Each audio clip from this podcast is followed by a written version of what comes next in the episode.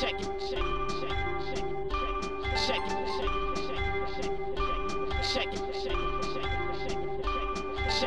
Zapraszamy na kolejny odcinek podcastu Codrive.pl, a w nim wspominamy Sir Franka Williamsa. Cezary Aldona opowiadają historie związane z legendą Formuły 1. Wybieramy się także na galę rozdania Złotej Piłki. Jak się okazuje, ma dużo wspólnego z Formułą 1. A następnie jedziemy do Arabii Saudyjskiej. Wszyscy jesteśmy zaintrygowani nitką toru, a jednocześnie boimy się o bezpieczeństwo kierowców. Kto będzie szybszy, Mercedes czy Red Bull? Dyskutujemy o tym, co może się wydarzyć podczas przedostatniego wyścigu tego sezonu. Czy obiekt w Jeddah będzie torem kierowców? Mamy potwierdzenie.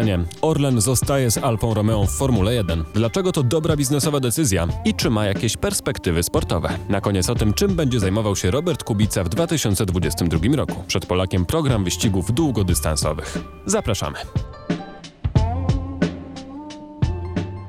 Dzień dobry wszystkim, witamy się z Wami po raz kolejny. Aldona Marciniak, Cezary Gutowski i Jasiek Olejniczek. Jesteśmy przed Grand Prix Arabii Saudyjskiej, ale niestety przed tym jak wybierzemy się na tor w Jeddah, no to dotarła do nas bardzo smutna informacja na temat śmierci Sir Franka e, Williamsa, więc e, chciałbym e, Was zapytać o to, jak wspominacie tą wielką osobowość Formuły 1, bardzo zasłużoną, pełną historii tak naprawdę, bo myślę, że w padoku wielokrotnie spotkaliście się z Frankiem i na pewno macie jakieś ciekawe historie z nim związane. No, moja historia wykracza daleko poza moje pojawienie się w padoku pierwsze, bo, bo jest to historia w zasadzie mojego początku w mojej fascynacji Formuły 1 i to mi wyglądało tak, że za dawnych czasów, kiedy, kiedy jeszcze była tak zwana komuna, y, no to Formuła 1 tam w, jakimś, w jakichś szczątkowych formach docierała do, do Polski. Było tam czasami transmisje, czasami retransmisje. Pamiętam, e, mój, ojciec opowiadał, że kiedyś myślał na przykład, że Grand Prix Monaco jest rozgrywane w, ten, w Nowy Rok, dlatego że akurat y, w ramówce noworocznej puszczali powtórkę z Grand Prix Monaco. To, to był czas jeszcze, kiedy były dwa kanały w telewizorze. Co już i tak zaawansowana komuna, dlatego że wcześniej był tylko y, jeden kanał. No i w tamtych czasach no, słyszało się o, o, o kimś tak, wi- wiadomo że był ktoś taki jak Niki Lauda, E, wiadomo było, że byli Senna i Prost i była ta rywalizacja, mimo tego, że nie było transmisji, znaczy inaczej, nie zawsze były transmisje, e, to, to o takich na- nazwiskach się słyszało. Także słyszało się oczywiście o Ferrari, nawet, nawet, za żelazną kurtynę. E, jakby prze- przechodziła magia tej, tej marki e, i słyszało się o McLarenie. McLaren głównie ze względu tak naprawdę na ich dominację z lat 80. i, i walkę Senny i Prosta i na początku lat 90., tam w 92 roku zacząłem się interesować Formułą 1, bo się pojawił w domu, w domu talerz satelitarny. E, W zasadzie na, na, na domu, a nawet na bloku, bo nie mieliśmy domu. Więc pojawił się talerz satelitarny i nagle otworzyło się okno na świat. Jeszcze wtedy nie tak dużo kanałów było kodowanych. Więc pojawiła się też Formuła 1 w domu i nagle się okazało, że nie Ferrari, nie McLaren, tylko Formuła 1 rządzi Williams takie ciemnogranatowo-żółto-białe bolidy charakterystyczne, absolutnie dominujące w Formule 1. Yy, No i po pierwsze Williams, a po drugie oczywiście Frank Williams i Patrick Head. Frank Williams oczywiście od razu no, od razu zwraca uwagę, że, że, że człowiek przykuty do wózka inwalidzkiego. E, No i człowiek od razu widać było, czuć było, że bardzo po, poważany, o takiej bardzo poważnej, skupionej minie i I to jest jakby pierwsze moje wspomnienie o Franku Williamsie, że to był facet, który prowadził zespół, który jakby wbrew takiemu ogólnemu pojęciu o Formule 1, jak człowiek się no, nie interesował wtedy i nie wnikał tak bardzo, ale wiedział, że jest coś takiego i że był ten Lauda, Prost, Senna, Ferrari, McLaren, e, że to był facet, który prowadził zespół, który przebił te marki wszystkie i który w tym momencie rządził w Formule 1. To, to takie pierwsze uderzenie. Aldona? Ym, Moje pierwsze, moje pierwsze wspomnienie w ogóle z nazwiskiem Franka Williamsa jest zupełnie mm, mało romantyczne, powiedziałabym, ponieważ y, dotyczy wypadku y, Ayrtona Senny. Gdy pamiętam taką noc, którą spędziłam przy modemie, a każdy, kto korzystał z internetu w czasach modemu wie, ile cierpliwości to kosztowało. Szukając y, wszelkich informacji na temat y, wypadku y, Ayrtona, jakie, jakie mogłam znaleźć, a że wtedy byłam bardzo zafascynowana prawem generalnie, to bardzo zaciekawił mnie ten aspekt prawny i fakt, że e, Frank Williams, Adrian Newey i Patrick Head e, mieli postępowanie we Włoszech. Normalne postępowanie karne, ponieważ prokuratorzy chcieli dowieść, że to zmodyfikowana kolumna kierownicy doprowadziła do tego, do tego wypadku i to postępowanie ciągnęło się latami. Trwało lata, zanim, zanim zostało zostało umorzone, więc y, y, akurat y, mm, nie jest to wspomnienie związane z tą piękną historią Williamsa, ale pewnie z najbardziej bolesnym momentem w historii Williamsa. Natomiast to, co Czarek powiedziałeś na samym końcu, to jest coś, co robi ogromne wrażenie. To jest prywatny zespół. To jest jeden koleś, który gdzieś tam w latach 60., 70. stworzył, stworzył ekipę, która do tej pory jest drugą najbardziej utytułowaną ekipą w historii Formuły 1. Tylko za Ferrari. I to jest coś niesamowitego.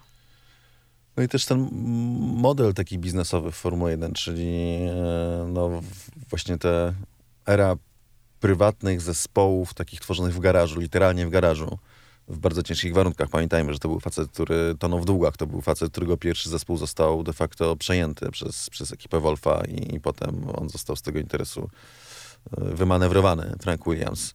E, to jest człowiek, który z budki telefonicznej prowadził interesy, bo mu odłączyli telefon w firmie, bo miał długi, prawda? Nie, nie, nie płacił rachunków, bo nie miał za co.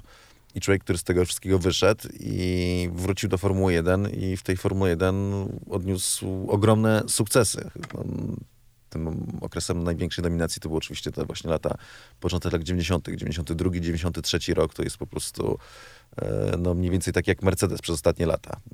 Oczywiście dominacja e, Williamsa mm, trwała krócej, E, no i tam jeszcze no, na przykład w 1993 roku Ayrton Senna w McLarenie wygrał pięć wyścigów, co było całkiem sporo, więc jak były te okresy dominacji Mercedesa, no to aż tak, aż tak dobrze nie było. Natomiast też były trochę inne czasy, ale generalnie pusto był Williams i długo nic. E, I to był ten model właśnie ekipy takiej prywatnej, prowadzonej przez dwóch ludzi, pamiętajmy, to nie jest tylko Frank Williams, to jest Frank Williams i Patrick Head, wspólnicy. E, przy czym oczywiście większość udziałów miał Frank Williams, natomiast cały czas y, tandem, y, duet.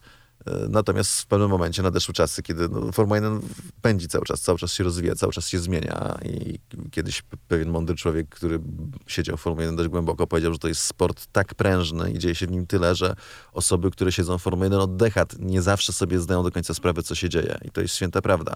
I w pewnym momencie e, Frank Williams, który no, był człowiekiem bardzo niezależnym, bardzo twardym, bardzo hardym, e, o czym się przekonał nie jeden kierowca,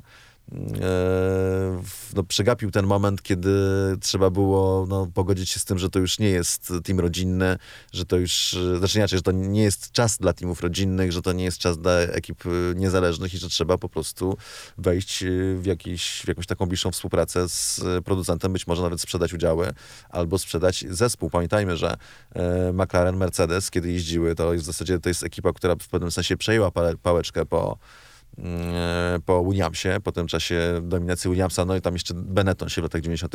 z Schumacherem e, udzielał, no to to był zespół, którym udziały miał Mercedes. Williams szedł w kooperację z BMW, E, I był taki moment, kiedy BMW chciało po prostu kupić część udziału, chciało przyjąć kontrolę nad zespołem e, i Williams się na to nie zgodził. I to był taki pierwszy przegapiony moment, żeby, żeby jednak ten zespół mógł, mógł dalej iść do przodu, no już jako brand, prawda? Nie jako team prywatny, nasz własny, tylko jako, jako brand stworzony, jako coś większego, jakaś powiedzmy większa idea. E, odmówili te sprzedaży udziałów i, i oddania części kontroli BMW, w związku z czym BMW kupiło Sobera a Williams stracił bardzo silnego partnera silnikowego i de facto od tej pory już nigdy się nie otrząsnął. To był taki początek mm, taczania się w pewnym sensie w dół, czyli przypisywanie Claire Williams, to, że Williams jakby sięgnął dna samej jej, no to jest nie fair trochę, dlatego że jakby ta droga trwała, była długotrwała, zaczęła się wcześniej. Claire oczywiście posadziła to wszystko już, już totalnie na dnie.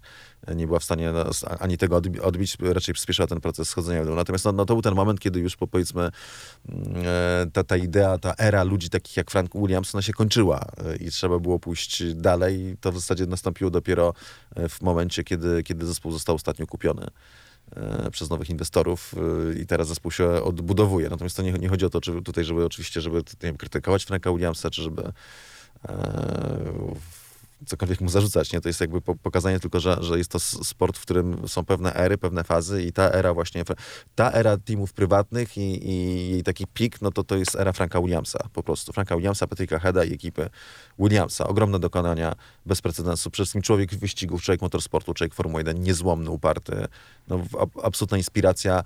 E, po pierwsze ze względów takich czysto biznesowych, czyli, czyli no po prostu no, tak bankructwo e, i, i mimo tego odbudowanie się, no a po drugie także ze względów takich czysto życiowych, po, ponieważ no, w 80, w 86 roku Frank Williams doznał bardzo groźnego wypadku, dachowania mm, na tych drogach, tak, po których ostatnio jeździliśmy. Mm, Po, jakby po testach z, na to, że Paul Ricard jechał na lotnisko z takim dziennikarzem Peterem Windsorem, amerykańskim, i mieli, mieli dachowanie, no i tu, tutaj bardzo poważne uszkodzenie kręgosłupa, y, paraliż cz- czterech, wszystkich, czterech ko- koniczyn i tutaj y, Sid Watkins, nieżyjący już profesor odpowiedzialny za bezpieczeństwo Formuły 1, neurochirurg, napisał w swojej książce, że jakby uraz Franka Williamsa jest tak, był tak groźny, że w zasadzie nigdy nie wiadomo było, kiedy stan się jego pogorszy i, i po prostu umrze Frank z powodu tego, tego urazu. Tak? I to było nie do opanowania. I to jest facet, który z tym urazem zdobył jeszcze dodatkowych pięć tytułów mistrza świata konstruktorów. Mówisz o tej e, hardości, to oczywiście bardzo mu pomogło w biznesie, ale nie jest to coś, co jego rodzina wspomina najlepiej, bo jest taka anegdotka, jak po swoim ślubie e, cywilnym, e, po ceremonii szybko przeprosił gości i wrócił pracować do garażu. Albo na przykład Claire Williams opowiadała, gdy, gdy, gdy w jakimś tam jednym z naszych, z naszych wywiadów, że w ogóle nie chciał, żeby, żeby dzieciaki, bo e, oczywiście to nie tylko Claire Williams, jeśli chodzi o potomstwo, ale też jeszcze dwóch synów, Jamie i Jonathan, e, że nie chciał, żeby dzieciaki się pojawiały na torze, a w momencie, w którym na to pozwolił, to możesz być, ale masz się przydać. I Claire opowiadała, jak robiła kanapki, robiła herbatę, nosiła, to, to wszystko po prostu pracowała tak jak, tak jak wszyscy e, inni, więc ojciec tam trzymał to wszystko mocną ręką. W którymś wywiadzie powiedział Frank, że on oczywiście kocha swoją rodzinę i jego rodzina o tym wie, ale rodzina wie też, że wyścigi są na pierwszym miejscu. Człowiek bardzo surowy z całą pewnością. To też nie wiem, czy zwróciłeś uwagę na przykład, że Claire Williams często mówiła o swoim ojcu Frank. Tak. Nie mówiła o, Tak. ojciec, tata, tylko mówiła Tak. Frank. Frank to, Frank tamto, po prostu po imieniu. E, no, był to ewidentnie zimny chów. Co znowu, tu nie jest jakimś przytykiem w stronę człowieka, ale też pokazuje, jaki to był rodzaj charakteru i też w dużej mierze tłumaczy, dlaczego był osobą faktycznie taką niezłomną, dlaczego mógł odnosić takie sukcesy e, w tak ciężkim e, środowisku, tak? To, to ma jakąś swoją cenę e, z całą pewnością i tę cenę płaci nie tylko, nie tylko sam właściciel szef zespołu, tę cenę płaci także jego rodzina, tak? To jest ży- życie poświęceń, poświęceń, na które Frank Unios był zawsze gotowy i no, które e, doprowadziły go do pasma sukcesów tak naprawdę bez precedensu. To, to, to jest facet, który wprowadził swój prywatny team założony w garażu dwukrotnie e, na poziom ekip takich jak Ferrari e, i McLaren. I teraz oczywiście, ja wiem, że po tym 2019 roku to mocno podupadła reputacja Williamsa, ale, ale Red Bull, tak, czy, czy Mercedes, czyli te ekipy ostatnich kilkunastu lat najlepsze, no to, to jest mniej więcej, to, to jest dokładnie ten poziom. To, to są legendy, to są legendy Formuły 1. Macie mm, z Frankiem związane takie jakieś wspomnienia? E, mam tutaj na myśli, rozmawialiście z nim e, podczas e, weekendów wyścigowych? Mieliście szansę go poznać tak osobiście? Szczerze Nie. mówiąc, tak, osobiście to parę razy przebać w, w, jakby w bezpośrednim otoczeniu, Towarzystwie, tak, tak. towarzystwie, tak, ale on, no, kiedy my już zaczęliśmy jeździć na Formułę 1, to on nie był osobą ogólnodostępną, czyli Mm. ciężko było się jakoś, nie wiem, znaleźć na przykład na wywiadach z Frankiem Williamsem, bo po prostu ich nie było. Był już w pewnym sensie tak chroniony, był po prostu starszym człowiekiem, który e, no, który był chroniony, tak, i który był schorowany przez te, przez te długie lata i coraz rzadziej się pojawiał na torze. Przecież y, no, Frank Williams od dłuższego czasu już, już jeździł ile na Grand Prix Wielkiej Brytanii, czasem jeszcze gdzieś się pojawił, a tego nie było, po prostu był już sędziwym, schorowanym człowiekiem. Natomiast chyba kierowcy darzyli Franka bardzo dużym szacunkiem. Pan, mam przed oczami nagranie z Lewisem Hamiltonem, który woził po Silverstone właśnie Franka Williamsa, który no, cieszył się jak dziecko w tamtym momencie. Nawet byłem wtedy na wyścigu, mam, mam Tak. zdjęcia nawet, jak siedzi w tym e, Mercedesie. E, No, cieszył się dużym szacunkiem, absolutnie, dlatego że stworzył zespół, który, e, no, który był legendą, co tu dużo mówić. Natomiast też trzeba powiedzieć, że no, nie, nie patyczkował się z kierowcami. W zasadzie było kilku mistrzów świata, których zwolnił z zespołu. Po tym, jak zdobyli tytuł mistrza świata, bo się nie dogadywali, bo za dużo chcieli. Więc po prostu się z nimi żegnał.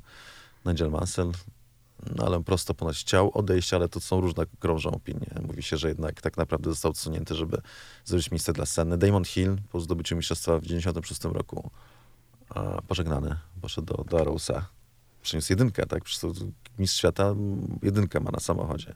Więc rezygnujesz wtedy z numeru jeden na swoim bolidzie w myśl zasady, że ja tu rządzę, prawda? I że będzie albo po mojemu. My way or the highway, jak to było w Matrixie. W takim razie miejmy nadzieję, że to nazwisko Williamsa zostanie zapamiętane na zawsze w Formule 1 i że jeszcze ten zespół będzie odnosił takie sukcesy, jak chociażby właśnie w latach e, 90. Przejdźmy teraz do wydarzeń z poniedziałku, ponieważ dwóch kierowców Formuły 1 pojawiło się w pięknych, czarnych e, strojach na gali rozdania Złotej Piłki. Co to mnie rozbawiło, część fanów Formuły 1 zagranicznych. Jest jeden fanpage, e, co, tak powiedzmy o zabarwieniu humorystycznym, e, opublikował post, w którym e, mówi dobry wieczór wszystkim poza tym, e, którzy nie oddali głosów na Roberta Lewandowskiego. Ale dwóch kierowców Formuły 1 z zespołu Alpin pojawiło się na gali rozdania. Weszli cali na czarno w kaskach Fernando Alonso i Esteban Ocon. I jest to chyba kolejny jakiś taki krok promujący Formułę 1 i przebijającą ją do mainstreamu, tak bym powiedział. Alpine była jednym ze sponsorów tego wydarzenia. Wydarzenia bardzo mocno francuskiego i tak naprawdę można było to odczuć na e, każdym kroku. Nawet taka mm, prozaiczna rzecz, jak wyczytywanie kandydatów do Złotej Piłki. E, mimo, że oczywiście transmisja na cały świat, najważniejsza impreza piłkarska, jeśli chodzi o tego typu plebiscyty, wszystko po francusku. Więc e, wszystkie te angielskie nazwiska z tym, z tym charakterystycznym francuskim zaśpiewem. No i to był taki akcent Alpinia, tylko mogę tak e, humorystycznie dodać, że Fernando Alonso musiał się strasznie umęczyć, bo Fernando Alonso jest fanem piłki, ale on jest fanem Realu Madryt. Tymczasem najlepsza piłkarka, kobitka z Katalonii, z Barcelony. Najlepszy piłkarz Leo Messi, który teraz już owszem w PSG, no ale kojarzony przez lata w Barcelonie, więc żadnego akcentu Realu Madryt, a Fernando Alonso z tą złotą piłką Czyli tam też swoim... pewnie kibicował Lewandowskiemu. O, właśnie. Trzeba będzie go spytać. Charakterystyczne wejście trzeba powiedzieć też, że oni, oni nie, by, nie wchodzili w spytasz swoich w Arabii kaskach. Saudyjskiej? Z- Zastanowię się. Dobrze. E, w, nie wchodzili w kaskach swoich y, zespołowych, tylko w takich kaskach y, zupełnie nieobrędowanych, tak? że Takich- to było takie incognito. Nie, tak, Mhm. dokładnie. Nigdy nie, nie było wiadomo, e, kto wchodzi na scenę. Mi się to skojarzyło z Daft Punkiem i z Mhm. promowaniem tej płyty, z której pochodzi ten utwór Celebrate i tak dalej, czyli taki powiedzmy, jak ktoś lubi Daft Punk i słucha od dawna, no to to było takie odejście od... e, Nie, nie, nie będę krytykował tego, jest- utwór jest spoko, nie? Tam można sobie podtywać przy nim, ale, ale w porównaniu z Daft Punkiem takim surowym pierwszym, no to takie odejście trochę w- bardzo popowe, no ale nieważne. I pamiętam, no, no jakby płyta promowana, że oni w też takich kaskach y, dziwnych, nie? Jeden był złoty, dru, dru, drugi zdaje się, nie pamiętam jaki drugi, drugi kolor miał, ale taki właśnie i, i co ciekawe, promowali się między innymi przy Formule 1, e, w padoku Formuły 1 podczas Grand Prix Monaco. Nawet mam gdzieś w domu taką maskę, jakby z, z Daft Punku, taką, znaczy nie maskę, taki, podobizną. z, tak, z tekturową, tak, Mhm. z podobizną, że, żeby taką maskę założyć, więc to mi się od razu bardzo skojarzyło. Po raz kolejny akcent francuski, zwróćcie uwagę, w tym wszystkim. Natomiast oczywiście to, to, to jest młyn, znaczy woda na młyn Liberty, które e, od początku swoich rządów podkreślało, że chce e, jakby żyć w zgodzie z różnymi innymi dyscyplina, dyscyplinami, w, w pierwszej kolejności e, z dyscyplinami motorsportu, żeby, żeby były te meszapy, e, żeby nie było konkurowania ze sobą tylko i zabierania sobie przestrzeni, tylko właśnie, żeby była jakaś tam współpraca i nawiązania i to, to, to się dzieje. Aczkolwiek w przyszłym roku, e, z tego co rozumiem, Grand Prix Azerbejdżanu musi się wydarzyć dokładnie w ten sam weekend, co Le Mans 24-godzinna. To, to tak jest, jest flash we wstępnym kalendarzu, niestety. Ale za, to, ale za to ostatni wyścig kończy się dzień przed tym, jak rozpoczyna się mundial w Katarze. Coś tak, tak. 23 wyścigi w ten program skrócony. Jak sobie pomyślę, że nie potrafię sobie teraz wyobrazić, że już y, w drugiej połowie listopada będą wakacje. Bo tego już dawno nie było. No i zobaczymy. Nie, najpierw zobaczymy, czy przeżyjemy sezon, bo się też nieźle zapowiada. Tak? 12 wyścigów Roberta plus 23 Formuły 1 to jest Napięty grafik. Tak, to 12 jest wyścigów, najprostsza to tak, recepta na ten, na... Tak, tak, wstępnie recepta na wylew. E, 12, bo no, 6 łk łącznie z Lemą, z tego co rozumiem, i 6 LMS-u, jeżeli Robert będzie jeździł w LMS-ie. Więc nie wiem dlaczego. Nie, mówiliśmy o tej piłce przed chwilą, znowu się robi dy, dygresyjnie.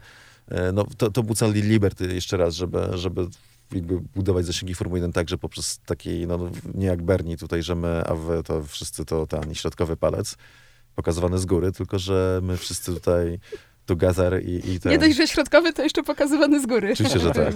Z piedestału, bo Bernie niski, więc ten, więc jeszcze się ustawił na tym. E, tylko tutaj wszyscy, wszyscy razem. Wydaje mi się, że to jest ostatecznie dobra droga. Dobra droga biznesowo stricte. Wizerunkowo też nie głupia. I po, też podobał mi się Berniego, bo jednak e, no, Bernie tworzył y, taki imidż Formuły 1 jako tego ekskluzywnego bardzo towarzystwa i takiego y, nie inkluzyw, jak to ten na- nawołuje, że ma to być inkluzyw, tylko właśnie ekskluzyw, ekskluzywne. E, no ale czasy się zmieniły, tak, a pan ciągle siedzi w komisjach, jak to było w kultowym filmie. Czasy się zmieniają i, i zmienia się ten imidż Formuły 1 i faktycznie wydaje mi się, że ostatecznie z punktu widzenia e, takiego wizerunkowo-biznesowego Liberty robi dobrze, że, że, że tak poszerza. To Alpini zrobiło, ale myślę, że za, że za Berniego to by się spotkało z dużym z dużym oporem ze strony Berniego, e, że, że w ogóle coś takiego ktoś wymyślił. E, Natomiast oczywiście to znowu trochę zbija z piedestału Formuły 1, czyli nie już taką tutaj królowę, która sobie samotnie tutaj, my tu jesteśmy panami świata motorsportu i mamy was wszystkich gdzieś, tylko, tylko już takie, że o, trzymajmy się za ręce, tak, biegnijmy wokół globu. Ale królowa też się pojawiała przecież na ważnych e, wydarzeniach różnych, sportowych czy też e, muzycznych, więc e, czy to takie złe? Nie, nie, nie mówię, że to jest złe. Po prostu warto zwrócić uwagę, że to jest zmiana koncepcji w ogóle, że Formuła 1 zmienia się w bardzo szerokim zakresie, bardzo szybko, COVID to przyspieszył a, i to jest jeden z tych elementów, w których za, za Berniego nie miałby miejsca. I jeszcze raz podkreślam, wizerunkowo i biznesowo to jest dobry ruch, natomiast no... Yy, no nie, nie jest to... No jest to zmiana, tak? Jeszcze raz. To już Mm. nie jest taki, że my tutaj jesteśmy elitami a, i ten... Możecie wąchać nasze spaliny, tylko let's join hands and dance together. Coś takiego. Myślę, że dla nas fanów to też jest nie najgorsze, że Formuła 1 staje się coraz bardziej popularnym sportem, bo w końcu dobrze, jeżeli można porozmawiać z wielką, e, z większą ilością osób o tym, co się działo w ostatni e, weekend i nie patrzą na ciebie jak na jakiegoś odrzutka, który opowiada o samochodach, które jeżdżą e, w kółko. Zobaczymy, jak to się będzie e, rozwijało. Teraz jedźmy do Arabii Saudyjskiej. Cezary, już wszystkie papiery wypełnione? Mam nadzieję. Nie wiem, dowiem się to na lotnisku, więc y, co prawda mogę zapowiedzieć teraz, że lecę na Arabię Saudyjską i na Abu Zabi, ale na przykład na lotnisku w Dubaju, przez który lecę, może się okazać, że jednak na Grand Prix Arabii Saudyjskiej nie polecę, bo się okaże, że coś tam nie zdziałało. To jest niewiarygodne. Ile trzeba wypełnić papierów, jakieś ze trzy aplikacje trzeba wgrać do telefonu. No de, facto aplikacje dwie, ale na czterech stronach się rejestrować minimum. E, I nie wszystko działa na przykład jedna taka aplikacja, która się nie- dziwnie nazywa trochę po afrykańsku TK, b- b- b- coś tam, e, to ona mi się nie pozwala zarejestrować w ogóle. W sensie, że pisze, żebym sprawdził, czym dane wszystkie uzupełniłem właściwie. A to jest data mojego urodzenia, numer paszportu, który ewidentnie jest dobry i numer telefonu. Czyli w razie co, zamiast F1 vloga dostaniemy vlog podróżniczy z Dubaju. Tak, z Expo coś zrobię. Oglądaliście onboardy już te wirtualne e, z Jeddah? Odświeżyliście sobie przed tym weekendem? Przed weekendem nie, oglądałem je wcześniej. No, store wygląda bardzo ciekawie. Moim zdaniem będzie to tor niebezpieczny, szczególnie Mm. teraz, kiedy będzie bardzo świeży asfalt, świeże frakcje. E, bo tor bardzo szybki, tam średniej prędkości na poziomie 250 km na godzinę to jest bardzo dużo. To jest bardzo do- wysoka prędkość, a mówimy o torze ulicznym, czyli o torze, w którym wzdłuż, e, wzdłuż e, tych łuków będą zaraz przyjezdni bandy czekały na kierowców. E, Co przy jeszcze raz, przy tym, że no, należy się spodziewać, że będzie śliski lub bardzo śliski, bo to jest świeży asfalt i tutaj cud- cudów nie ma.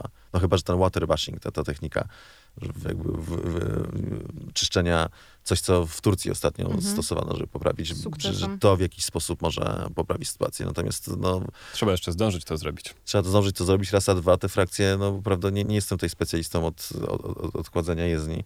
E, Natomiast przypuszczam, że no, problem jest taki, że te frakcje będą wychodzić e, ze świeżego asfaltu tak czy inaczej. Możesz je wypłukiwać, one będą wychodziły. Będzie problem z nagumowaniem toru, więc e, no, w- absolutnie, szczerze mówiąc, to się wydaje szalone na tym etapie, że, że na takim torze chcą się ścigać z takim pośpiechem, bo jeszcze e, no, niecałe dwa tygodnie temu w Katarze mówiło się, i to były poważne, naprawdę poważne rozważania, że e, Formuła 1 być może jednak pojedzie dwa wyścigi w Abu Zabi po prostu i tyle. I rezygnujemy z e, Arabii Saudyjskiej, bo tam rzeczy są w proszku. No ale potem stanęło, że no nie, nie, to jest niemożliwe, że po prostu Arabia Saudyjska to trzeba Jest powiedzieć... za ważna. Jest zbyt ważna. To jest no, prawdopodobnie je- jednostkowo najważniejszy teraz sponsor Formuły 1. Albo Arabia Saudyjska, albo firmy e, do Arabii Saudyjskiej należące, typu Aramco, tak, czyli mm, chyba najważniejsza, e, czy, czyli koncern olejowy, mm, paliwowy. Znaczy, no taki, nie chyba olejowo-paliwowy, nie, nie, bo to Koncern. Na tym, Koncert, y, tu, który robi złe rzeczy, no, niby, że na świecie, niby, że na świecie, bo, bo W sensie środowisku. środowisku. Ale to też nie jest powiedziane dlatego, że, że ostatnie, to, to jest dość interesujące, bo oglądam trochę programów. Popularno-naukowych? No nie, nie, no, naukowych raczej i dyskusji i okazuje się, że już mowa o tych złych koncernach paliwowych, że wychodzi na to, że te wszystkie pomysły, aby mm, zrobić bardziej zi- zieloną, tak, i, oszczędzać ziemię, nie, wy, nie wyciągając paliwa z, ze środka ziemi, to w zasadzie jeszcze bardziej obciążają środowisko, czyli na przykład jeżeli chodzi o biopali, biopaliwa i produkcję e, produkcję mm, etanolu czy me, metanolu, po prostu alkoholi, które, na, na których można jeździć, to, e, to się te dżungle, co się wycina tak, i, i Mhm. wypala, to w dużej mierze po to, żeby sadzić tam rośliny, z których można robić paliwa. czyli, czyli w ogóle no, tak kosi się lasy i wypala, i, i żeby dla ekologii, mówiąc w skrócie. E, I ziemia potem jest tak wyjałowiona, że w zasadzie Nic już na tym nie to posadzisz. jeszcze gorzej. No ale to powiedzmy, z- znowu wchodzimy w, w dygresję. to jak w tej grze najnowszej, w Far Cry'u, jest też taki motyw, że się sadzi specjalną roślinę, która ma e, działania e, rakobójcze. I jest e, zły dyktator, który właśnie rządzi światem, e, tym krajem danym i sadzi właśnie złe rośliny i później także wszystko jest w nieurodzaju. Ale Widzisz, ile- rakobójcze to dobre. No ale jest to przypłacone tym, że ludzie cierpią i ziemia cierpi. No dobrze. Rozumiem. Więc takie analogie tutaj mamy między różnymi światami. E, ja Cezary się za poczuł, się poczuł, tak, wyłączony z tej Ale z tej wróćmy dyskusji. Ja e, do. Jeddah po prostu. Tak. E, Ja sobie pozwoliłem odpalić ten tor w grze Formuły 1, która, która zaimplementowała już ten tor i rzecz, na którą zwróciłem uwagę, to poza tym, że jest bardzo szybki ten obiekt i te eski naprawdę robią duże wrażenie, to te ślepe zakręty są po prostu e, bardzo trudne do przejechania i to patrząc na cały przekrój wszystkich torów, które mamy w kalendarzu, to z taką prędkością przejeżdżać tak blisko ścian wydaje mi się być naprawdę bardzo dużym wyzwaniem i jestem ciekawy, co wy o tym sądzicie, jak kierowcy będą się dostosowywać do warunków na tym torze. Tak jak mówiliście, będzie prawdopodobnie bardzo ślisko. No i dużo mówimy o tym i na pewno zaraz też o tym pogadamy, że no, czym będzie szybszy bolid Mercedesa czy Red Bulla. Mm, Ale Mercedesa, zaczynam się możemy zastanawiać, Nie, nie możemy. czy to nie będzie wyścig, e, jeszcze bardziej nie będzie to wyścig stricte kierowców niż e, bolidów. Mi się trochę przypomina dyskusja, którą mieliśmy przed Baku. Nie Aha. masz takiego wrażenia? Ja, dyskusja, Zanim- którą prowadziliśmy przed Baku, już dawno została wymazana w mojej głowie i nadpisana przez wszystkie kolejne wydarzenia. Jesteś jak musieliśmy- Homer Simpson, tak, który no, gdy tak, tak. poszedł na kurs, y, kurs y, winiarski, to zapomniał, jak się prowadzi samochód, bo miał tylko ograniczoną liczbę rzeczy, które mógł zapamiętać. Mniej więcej, mniej więcej tak to wygląda. Ale mam nadzieję, że będą wsiąść do samochodu po tej audycji. No, Więc się mam, przy- mam na myśli przed początkiem Baku, przed debiutem Baku, nie przed tegorocznym Grand Prix w Baku, tylko w ogóle zanim e, ten wyścig się e, pojawił, biorąc pod uwagę właśnie długie, proste, zakręty dziewięćdziesiątki, blisko bariery, e, bardzo wąskie fragmenty i jeszcze do tego potem e, ten wielki karambol w seriach juniorskich, a wyścig okazał się e, bardzo, no cóż, pierwszy bardzo nudny, okazał się procesją i ostatecznie z tego, przynajmniej na początku z tych zapowiedzi wielkiego mashupu to nic nie, nic nie wyszło. Tylko nie był to przedostatni wyścig sezonu. Są nawiązania do Baku, ale trzeba powiedzieć, że Baku jest bardzo innym torem mimo wszystko. Znaczy jest to tor bardzo szybki, dlatego że są to faktycznie kilka długich prostych, ale jednak mamy zakręty 90 stopni. E, I też jest śliski, też zdradliwy. E, Mamy tam bardzo wąski przesmyk też i Baku to jest taki tor prawdziwie uliczny, podczas gdy Juda wydaje się być torem, no owszem ulicznym, ale takim e, jakby trochę nawet, że te Sportowo ściany... ulicznym. Tak, tak, tak, że, że, te ściany w niektórych miejscach, z tego co rozumiem, to zostały tam... Dobudowali. Tak, tak, spe- specjalnie postawione. Plus, e, no znowu, Juda to jest taka trochę jakbyś wzięła Suzukę ustawiła na ulicy między Mhm. ścianami, a nie tor, który jest wytyczony między ulicami, które już tam są od setek albo i tysięcy lat. Czyli nie taka gierkówka, tylko taka autostrada XXI wieku. To na, na, na taki tor uliczny, rozumiem. Nie, nie, nie, nie, nie, to, nie, nie zgadzam się z tym nawiązaniem, mimo że do gierkówki. Jakby to porównać jest droga. Nie no, Nie, nie, nie, nie, nie mam bezpośredniego nawiązania. Chodzi mi po prostu o charakterykę, charakterystykę toru, nie? W sensie, żeby, żeby nie było takiego nawiązania bezpośredniego, że skoro w Baku y, Red Bull był szybszy od Mercedesa, to, to tak samo będzie w, na Judzie, Juda to jest po prostu szalone, na tym polega, szalo- szaloność tego toru polega na tym, że i to było od początku widać, jak, jak za- zapre- zaprezentowali trasę, że, że to jest po prostu taka Suzuka, trochę pierwszy sektor na przykład torów Austin, y, która jest przeprowadzona między ścianami. Mhm. I to jest y, chyba krok za daleko. Tak mi się wydaje, trochę kuszenie losu. I nie ma praktycznie stref wypadkowych. Jest bardzo mało zewnętrznych. Tak, tak, jest ciężko, no jak tam coś nie wyda, a jest bardzo łatwo, żeby, żeby nie wydało, no bo nowy tor, szybki, śliski, no to po prostu przy 300 na godzinę, 280, 60 od razu odbijasz się od ściany. Co może nawet dobrze, że ściana jest na tyle blisko, że ten, żeby... Żeby od razu się odbić. A- Myślę, że to będzie od, od, jakby odsiewało trochę tak zwane ziarno odplew, czyli ci kierowcy, którzy są e, powiedzmy zdolniejsi, e, będą szczególnie na początku sz- szybsi od tak zwanych, nazwijmy to, wyrobników, nie, nie umniejszając im dlatego, że że nieraz mieliśmy w historii przykłady takie, że kierowcy, którzy ciężką pracą nadrabiali to, co inni mieli podarowane większym talentem, to, to że odnosili wielkie sukcesy i zdobywali mistrzostwa. Natomiast im będzie trudniej, mówiąc w skrócie, w porównaniu z tymi, którzy mają tą zdolność. Natomiast mm, jest taki e, moment, kiedy jednak e, dochodzi moment takiej przypadkowości losowości, czyli od, pew, od, pewnego momentu, jeżeli warunki na to, że są faktycznie ciężkie, to każdy kierowca może zrobić głupi błąd po prostu. Łącznie z Lewisem Hamiltonem, Maxem Verstappenem, Fernando Alonso, który prawie błędów nie popełnia, chyba najmniej ze wszystkich kierowców Formuły 1. Każdy z nich po prostu, bo y, no, przekraczamy pewną granicę jakiegoś tam rozsądku, to chodzi o przyczepność czystą. No, tor jest zbyt śliski. Jak jest zbyt śliski, no to wtedy już y, no po prostu Formuła 1 i wyścigi tak naprawdę to jest dążenie do perfekcji, wyciąganie maksimum z przyczepności. E, A jazda po śliskim torze jest wbrew naturze Formuły 1, e, mówiąc w skrócie.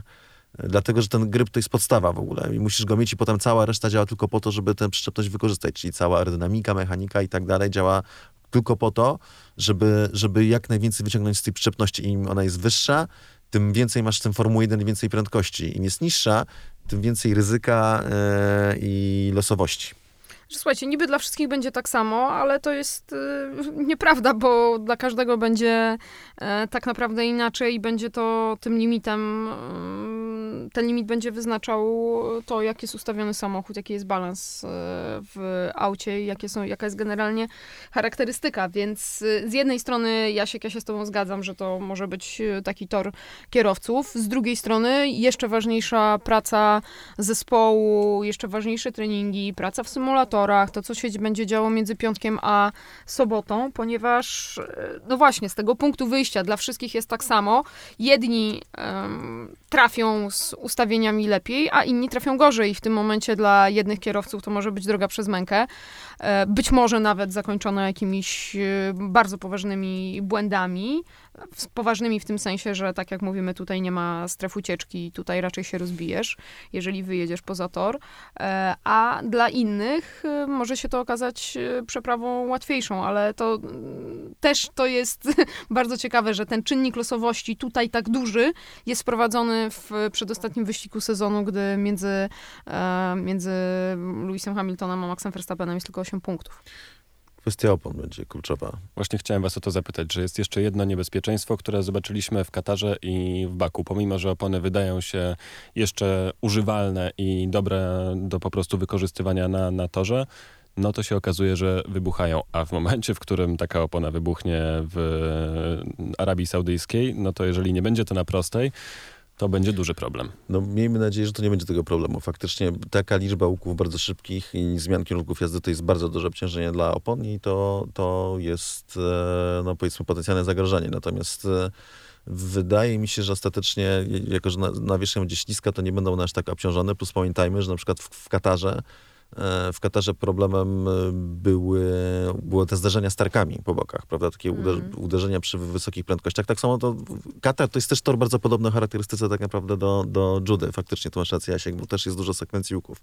Ale tam były te wypadnięcia powiedzmy na, na te tarki, a tam trzeba było ciąć i one bardzo brutalnie i poza tarkami te te dodatkowe zabezpieczenia, one bardzo brutalnie traktowały opony. Te opony nie pękały dlatego, że były zbyt zużyte, one pękały dlatego, że nie wytrzymały tego obciążenia. A tutaj mamy tylko ściany, więc ewentualnie, wiesz, jak się opona ściana są, odbije, to ten... Nie to wiemy jeszcze, jak one się wyglądają tak naprawdę. Uszkodzi. Hmm? Mówię, że tutaj tarki też będą przy tych eskach, tylko nie wiadomo jeszcze do końca, jak one będą wyglądały w rzeczywistości, bo na tych materiałach, które widzieliśmy od Formuły 1, no to to się wydaje, że to są po prostu niemalże namalowane pasy. No i tak powinno być, mówiąc szczerze, na takim torze, kiedy zaraz obok czeka, czeka ściana. No tutaj masz naturalny jakby czynnik limitujący i to jest betonowa banda i to jest właśnie ten element, który jakby odróżnia chłopców od mężczyzn, jak to się mówi. Tylko hmm. jeszcze raz element losowości na taktyckim torze jest tak duży, że tutaj dużo się może wydarzyć. To może być naprawdę niesamowity, dramatyczny weekend. Natomiast jest to ostatni, jeden z ostatnich weekendów w sezonie, dlatego że bardzo im zależało, żeby wyścig odbył się w tym roku i wiedzieli, że na początek sezonu nie zdążą. E, na przyszłorocznym kalendarzu e, Grand Prix Arabii Saudyjskiej to jest, zdaje się, drugi wyścig sezonu po Bahrajnie, czy, czy jakoś tak jest wpasowany w kalendarz, więc, e, więc no będzie, będzie z kolei odwrócona ta kolejność. No i jeszcze układ sił, tak, wydaje mi się, jest tutaj bo się wszyscy mówią, że Mercedes, Mercedes, Red Bull mówi, że Mercedes, Mercedes, Mercedes mówi, że Mercedes. Tym razem wszyscy Ale zgodni. zastrzegają, że w Ameryce też myśleli, że będą szybsi, a nie wydało. Dokładnie, Andy Szowi o tym powiedział, tak, czyli szef inżynierii od strony torowej. Wydaje mi się, jedna z najbardziej takich wiarygodnych osób w Mercedesie.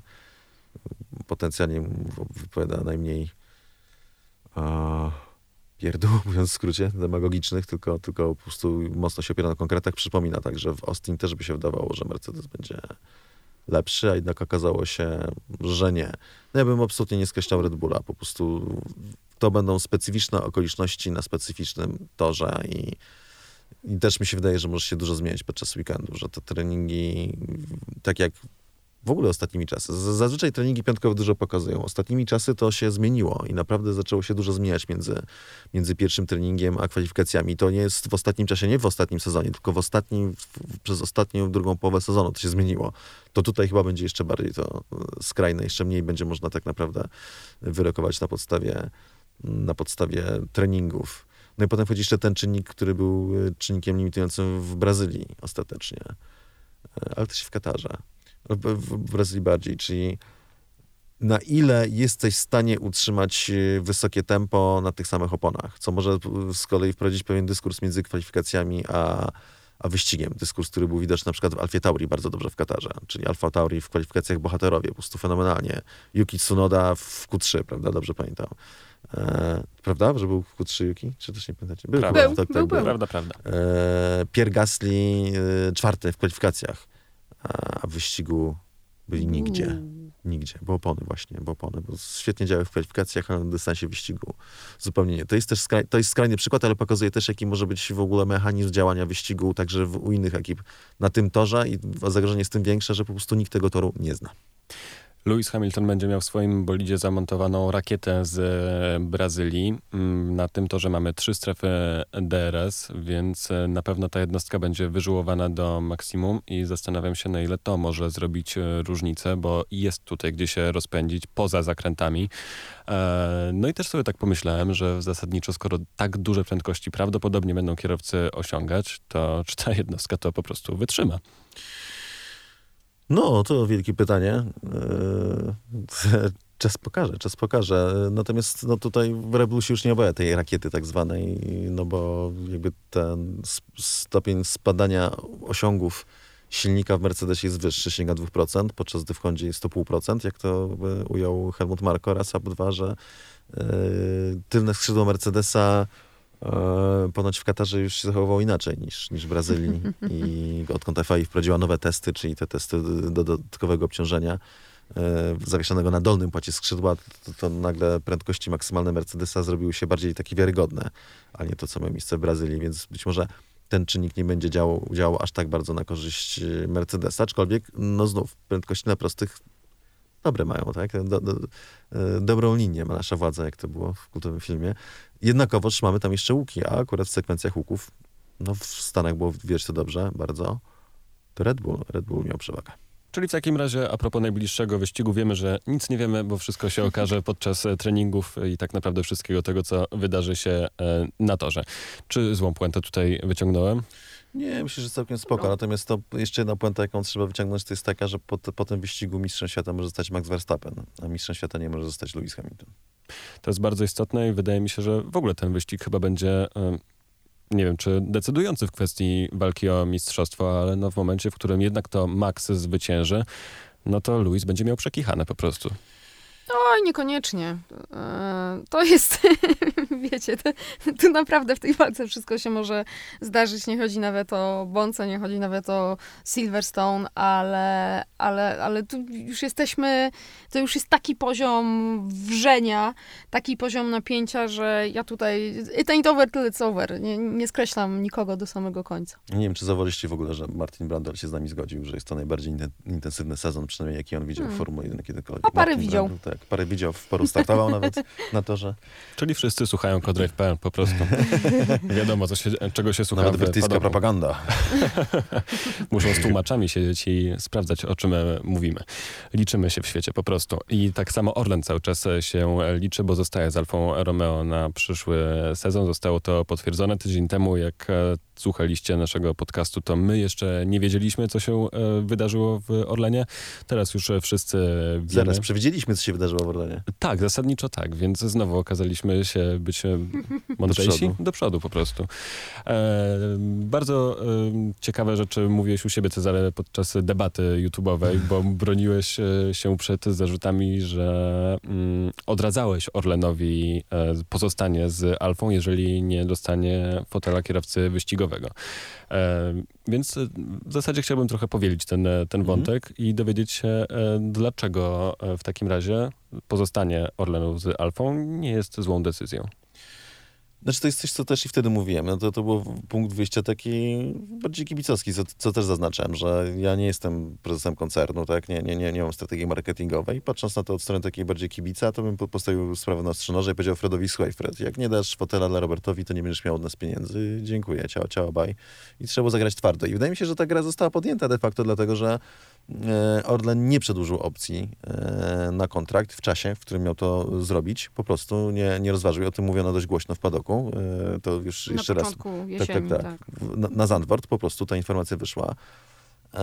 Była wizyta Freda Wassera w Polsce i różne źródła mi mówiły, że Fred nie wyszedł zbyt szczęśliwy z tego spotkania, natomiast ostatecznie no ten jakby grał do końca i wygrał. E, wygrał w tym względzie, że faktycznie po pierwsze no, zabezpieczył sobie e, budżet od Guanyu Zhou, czyli od kierowcy chińskiego, którego jeszcze raz trzeba podkreślić, nie wolno go skreślać, zanim nie zacznie jeździć. Trzeba dać mu szansę po prostu. Niech się tak, już dostał miejsce, teraz go zweryfikuje Formuła 1 i trzeba trzymać za niego kciuki. To już się e, wydarzyło. No i potem nadeszła no, no, no, ta kwestia Orlenu. Orlen chce być w Formule 1 i jeszcze cały czas to jest coś, z czym trzeba już, nie wiem, nie chciałem z tym walczyć, no bo to wydawało mi się, to jest absurdalnie, ale, ale, ale im więcej czyta się tych opinii, te cały czas, kiedy się to tłumaczy i mówi, E, no, no to tym bardziej chyba trzeba akcentować, że jeszcze raz, Orlen nie jest Formuła 1 dla Roberta Kubicy. No właśnie, to jest, to jest najgorsze. Ta narracja, Orlen e, płaci za miejsce Roberta Kubicy i nawet tego miejsca nie ma. To, to, to nie ma nic wspólnego z, z prawdą i z tym, jak to od strony marketingowej, od strony biznesowej wygląda. Orlen nie kupuje miejsca dla Roberta Kubicy. Orlen chce być w Formule 1, ponieważ jest koncernem paliwowym, który działa w nie wiem ilu krajach, ale w bardzo wielu krajach. 99 mają interesy. E, łącznie, łącznie notabene teraz z biznesami w Chinach, e, związanymi z bitumenem. E, więc... I, to jakiś raper? nie, to było Bajstumen. A, okej, okay. a to, to nie byli raperzy z kolei. No nie, nie, nie byli.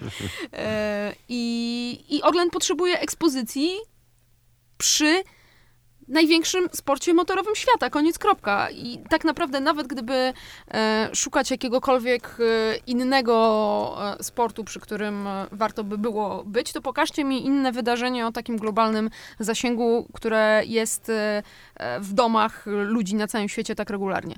Okej, s- wielkie są igrzyska, wielki jest mundial, ale to są wydarzenia raz na 4 lata. Co jeszcze ma taką siłę przebicia międzynarodową? Międzynarodową, nie mówię teraz o, nie wiem, futbolu amerykańskim, krykiecie, które są owszem bardzo popularne, ale w kilku krajach, tylko o, o, o, o Albo skoki narciarskie. albo skoki narciarskie, tylko o imprezie, która jest y, obecna na niemalże wszystkich y, kontynentach. Jak Australijczycy pójdą po rozum do głowy, to z powrotem będzie u nich. To E, trochę czasu zajmie jeszcze niestety. no tak, to, to, to, to prawda.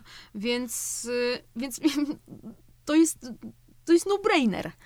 To jest po prostu... I do tego jeszcze to jest sport motorowy, na, na, na, żeby- jakby zakończyć cały Tak, no bo nie rozmawiamy o, o producencie sera, tylko rozmawiamy o koncernie, o koncernie paliwowym, więc to są tylko i wyłącznie logiczne działania biznesowe.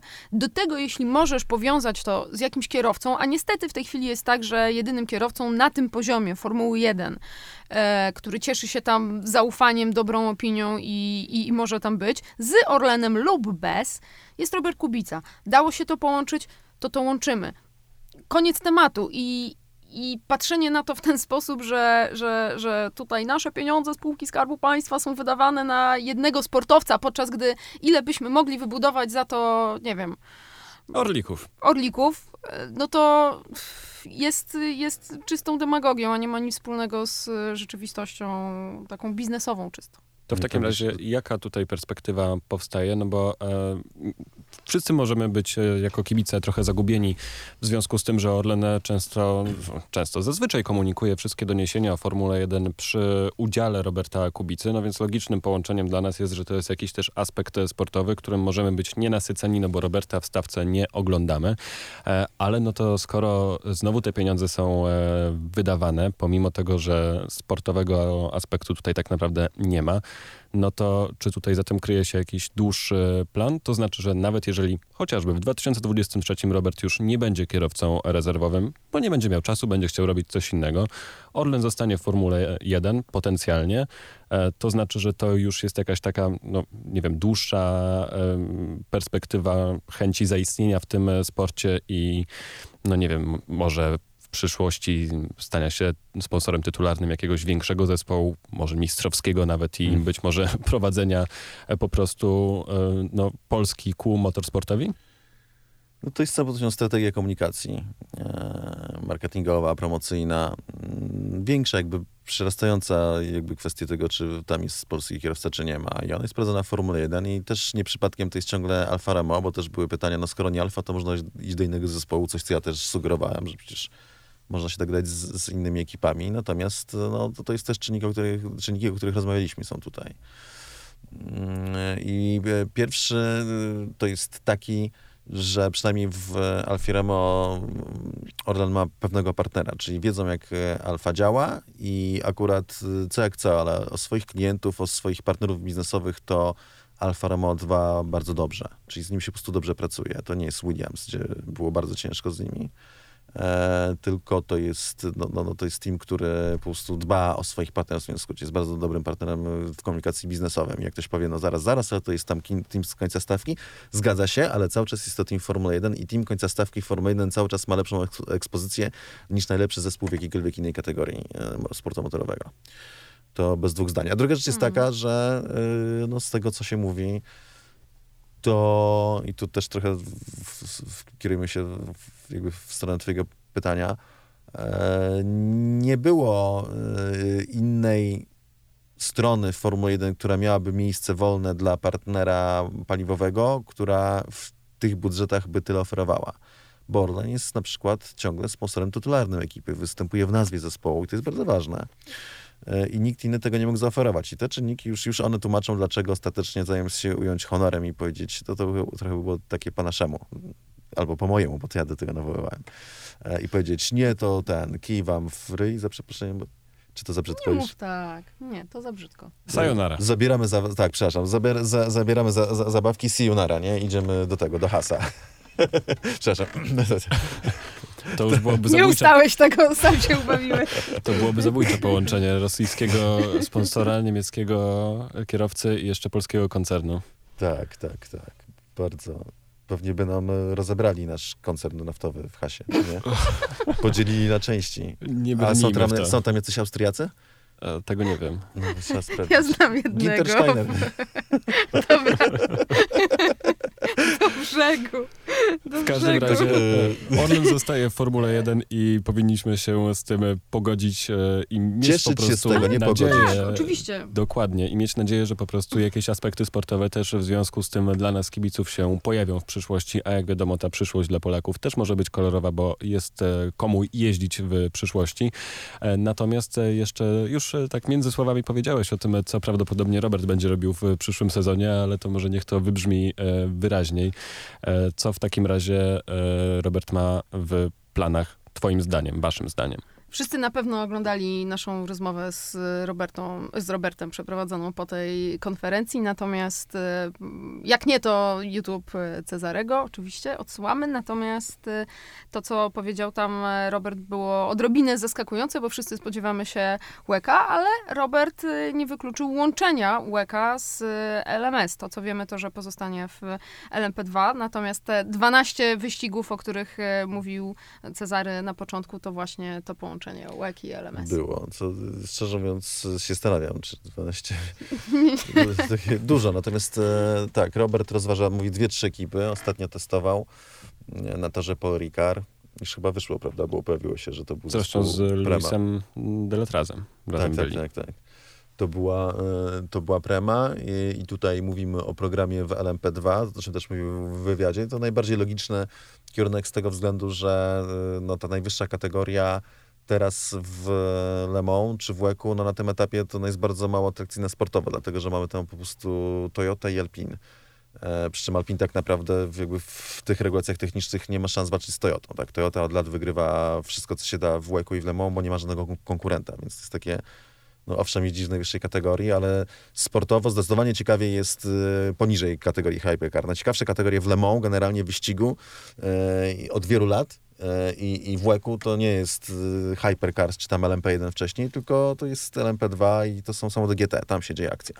Bo na szczycie nie ma z kim walczyć. A dopiero 2023 roku będzie taki napływ dużej liczby ekip, dużej liczby brandów typu, typu Porsche, typu Peugeot e, i Audi e, i nie tylko, które jakby wzbogacą e, hypercary na tyle, żeby Ferrari, żeby, żeby, mm, żeby tam się działa akcja, tak żeby to, był, to, to, to była ta główna kategoria tak naprawdę od strony sportowej. I to jest za, za rok. Natomiast te ekipy, te składy, one będą się szykowały w dużej mierze właśnie w LMP2 w tym sezonie, więc tak naprawdę to Robert tego nie mówi, ale prawda jest taka, że obranie teraz kierunku w LMP2, czyli zespołu, w którym będzie, będzie startował, w dużej mierze będzie jakimś tam sygnałem co do tego, jakie kroki może zrobić dalej w dalszej przyszłości. Co prawda Robert się od tego odcina i mówi, że fakt, że jeździłem, to jeszcze w Katarze gadaliśmy, że fakt, że jeździłem, przejechałem tam 10 okrążeń z e, ekipą Iron Lynx tak, i, i, i Premą po ostatnim wyścigu w Bahrajnie, to jeszcze nie świadczy, że będę tak jeździł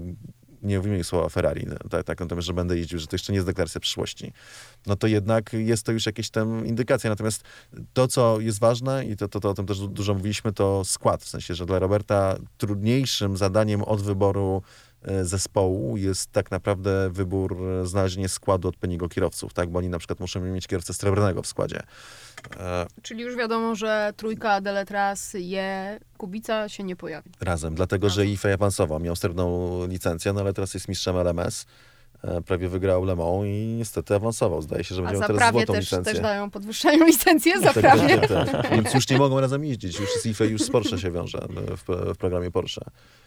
E, to na razie azjatyckim z tego, co, co, co kojarzę. Więc tutaj trzeba po prostu, no, ale to jest też ciekawe, dlatego, że o tym też mówiliśmy w zasadzie od, od bardzo dawna, że e, absolutnie Team WRT, w którym jeździli te, przez ostatni rok, to jest mega dobry zespół i to świetnie zostało rozegrane, natomiast e, jednak e, ultra ważnym elementem tego, tego projektu to był skład, że po prostu e, być może nawet zespół nie dorównywał w debiucie zawsze tym Prędkością, ekipom do, tak, do, doświadczonym, e, chociaż też im za bardzo nie ustępował, ale jednak Mm. nie był, te- te, ten wynik to nie była kwestia tego, że mieli, nie wiem, najlepszy samochód. sprzęt. Nie, nie, nie, tylko to była kwestia całości, w sensie, że i przede wszystkim skład kierowców. Więc to jest dla Roberta kluczowe, ten skład. A budowanie tego składu to jest po raz kolejny, to już, no, to jest już Robert, jego znajomość, ale e, endurance po tym, co, co, co przechodził w ostatnich e, latach, szczególnie w ostatnim sezonie. Że jednak tutaj kluczem będzie skład kierowców i na tym się trzeba koncentrować, żeby być może zrobić taki skład, żeby jak przejdziemy ten sezon w LMP2, to naprawdę to już wyniki te, tam w mistrzostwach będą mniej ważne, biorąc pod uwagę, że, że to jest dłuższy plan. Zbudowanie składu, który potem się znajdzie, miejmy nadzieję, w hypercarach i tam dopiero będzie to główne uderzenie i będzie walka o te najważniejsze tytuły. Chociaż oczywiście do tego dochodzi też walka o zwycięstwo w Le Mans, tak, które można jakby w zwycięstwo w Le Mans w LMP2 mm, z punktu, jakby w statystykach Hypercar będzie wyżej, ale jak ktoś wie, e, czym się to je, to musi sobie zdać sprawę, że na przykład e, o wiele trudniej było wygrać LMP2 w tym roku niż WEC i nie tylko w tym roku, akurat od wielu lat już o wiele trudniej jest wygrać LMP2 niż, niż wygrać e, w najwyższej kategorii, bo tam tylko Toyota może wygrać. A czy skoro o składach mówimy, to możemy jeszcze o tej kłótni w obrębie Alfa Romeo Zauber powiedzieć? Tak, tak, tak, słuchamy, słuchamy. Bardzo proszę, bo to bardzo ciekawe jest, mianowicie em, szef Zaubera, człowiek, który po paterze Zauberze e, przejął funkcję Pascal Picci, stwierdził, że on nie jest w stanie współpracować już z Frederikiem Wasserem i opuścił swoje stanowisko, a tym, co przelało czarę goryczy, był drrr, dobór kierowców. Valtteri Bottas Guan Yu Zhou i chociaż e, nie powiedział e, Pichi dokładnie, e, co by wolał inaczej i kogo by wolał inaczej, no to można się domyślać, że na przykład chodzi o to, że po raz pierwszy od, od dawna nie ma kierowcy związanego z Ferrari w tym składzie na przykład, a więc to jeszcze tylko nam pokazuje, ile różnych e, interesów e, trzeba było wziąć pod uwagę, ile różnych e, stron grało tutaj, chcąc ugrać jak najwięcej przy obsadzeniu tych dwóch miejsc. Nie dość, że nie będzie kierowcy Ferrari, to jeszcze nie będzie Włocha w składzie, co też jest... Tak. To, ale mi się wydaje, że tutaj, no, tak jak się na tym zastanowić, to ostatecznie nie Joe jest tu najbardziej kontrowersyjnym wyborem, tylko Bottas. Z, to z całym szacunkiem Jak on się tam znalazł? Teraz się tak zastanawiam, to zupełnie te kropki się nie łączą. Z, z abstrakcja nie. Znalazł się tam, bo dlatego, że Toto Wolf bardzo potrzebował, żeby mieć fotel dla Bottasa, bo inaczej po prostu by się skompromitował on i zespół, bo nikt by nie chciał... przecież- Wyobraźcie sobie, że z mistrzowskiego zespołu Tak. koleś odchodzi i nie ma dla niego miejsca w Formule 1. Ten, no o którym wstyd jak byk. Luis powtarzał, że nie, nie, nie, ja nie w moje poprzednie mistrzostwa wcale nie były łatwe, bo, bo Walteri tak mi naciska, jest taki ciężki, w ogóle tak ciężko się walczy z Walteriem, nie? I nagle ten super Walteri, że co to tak Luis bohatersko go pokonał tyle razy w walce o tytuły, że nie ma gdzie jeździć, bo jest tak ceniony. Więc trzeba było po prostu znaleźć dla niego miejsce, a że Fred jeszcze lubi Bottasa, bo miał go w swoich ekipach juniorskich, to po prostu go wziął. No dobra, szczerze, na lata to jest abstrakcja w ogóle. To ewidentnie tam coś się zadziało takiego... E, nawet jeżeli nie będą tego odzwierciedlały logo na samochodzie, to tam musiało dojść do jakiegoś rodzaju transakcji, być może dżentelmeńskiej.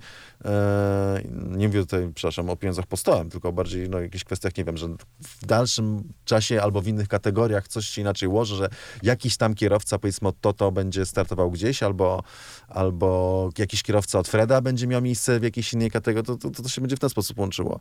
To jest to załatwienie w ten sposób, na 99%, nie? Bo, bo inaczej byś nie mogło. Po prostu Bottas jest im potrzebny jak prysz na nosie, tak to może żeby było bardziej politycznie, bo są jeszcze dwa inne miejsca, które mógłbym wymienić. No ale no, no, się tam znalazł, plus no, ostatecznie wydaje mi się, że zrobi tam jakąś swoją robotę. Nie będzie gwiazdą e, tej ekipy, ale, ale swoją robotę zrobi i przynajmniej solidny kierowca będzie punktował. Plus oczywiście mamy nie Roberta szybszy. pamiętajmy, w przyszłym roku. Czyli Robert jako kierowca ten trzeci, rezerwowy, y, trochę rozwojowy. Mam nadzieję, że będziemy mógł trochę dłużej pojeździć. Być Nowym, może Nowym bolidem. Nowym bolidem. bolid nowe, no, nowej generacji, nowej koncepcji. Trzymajmy kciuki, żeby w testach pojeździł przede wszystkim. To jest najważniejsze, bo potem jak pojeździ w testach, to jak będzie wrzucany w piątkowych treningach za kierownicę samochodu, to no, będzie miał większe podstawy do tego, żeby co, coś tam w, chociaż pojechać, niż miał na przykład w tym roku. Tak, w tym roku rzucone na głęboką wodę w samochodzie, z którym tak nie jeździł w ogóle. Tak? I proszę, ba- Barcelona, proszę bardzo, masz i jedź. I pojechał. I pojechał, tak, i pojechał. Znaczy, tak wypadając z toru pod koniec, tak, podczas pierwszego przejazdu w ogóle w, na miękkiej oponie, na, na nowej. E, No tak więc tutaj miejmy, powiedzmy, no to, to będzie fajne z punktu widzenia Roberta, że, że po prostu będzie cały czas się trzymał w tej nowej Formule 1. No i cały czas Robert też, pamiętajmy, nie skreśla. Znaczy to jest oczywiście coraz bardziej, coraz bardziej się oddala, ale różne historie się działy w Formule 1. Więc y, do, tak, dopóki... Piłka ten- w grze. do, do, dopóty nadzieja żyje jeszcze tam jakaś mikro, że w jakimś dziwnym układzie gwiazd się okaże, że być tam znajdzie e, po prostu. No teraz już na, na takie wejście po prostu tutaj wchodzimy, jeździmy po raz trzeci, takie w, no, w normalnych okolicznościach to raczej ciężko liczyć, natomiast no, zobaczymy, jak się tam gwiazdy będą układały. Obserwujemy to wszystko. Ja z wielką ekscytacją czekam na najbliższe Grand Prix. Jestem bardzo ciekawy, jak się sprawdzi e, ten tor, więc mam nadzieję, Cezary, że jednak będą F1 vlogi, a nie vlogi turystyczne. I tym akcentem dzisiaj się z wami żegnamy. Aldona Marciniak, Cezary Gutowski i Jasie Kolejniczak.